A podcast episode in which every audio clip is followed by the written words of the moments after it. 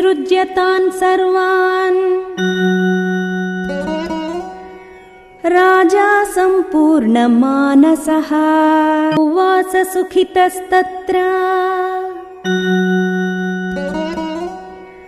पुत्रोत्पत्तिं विचिन्तयन्।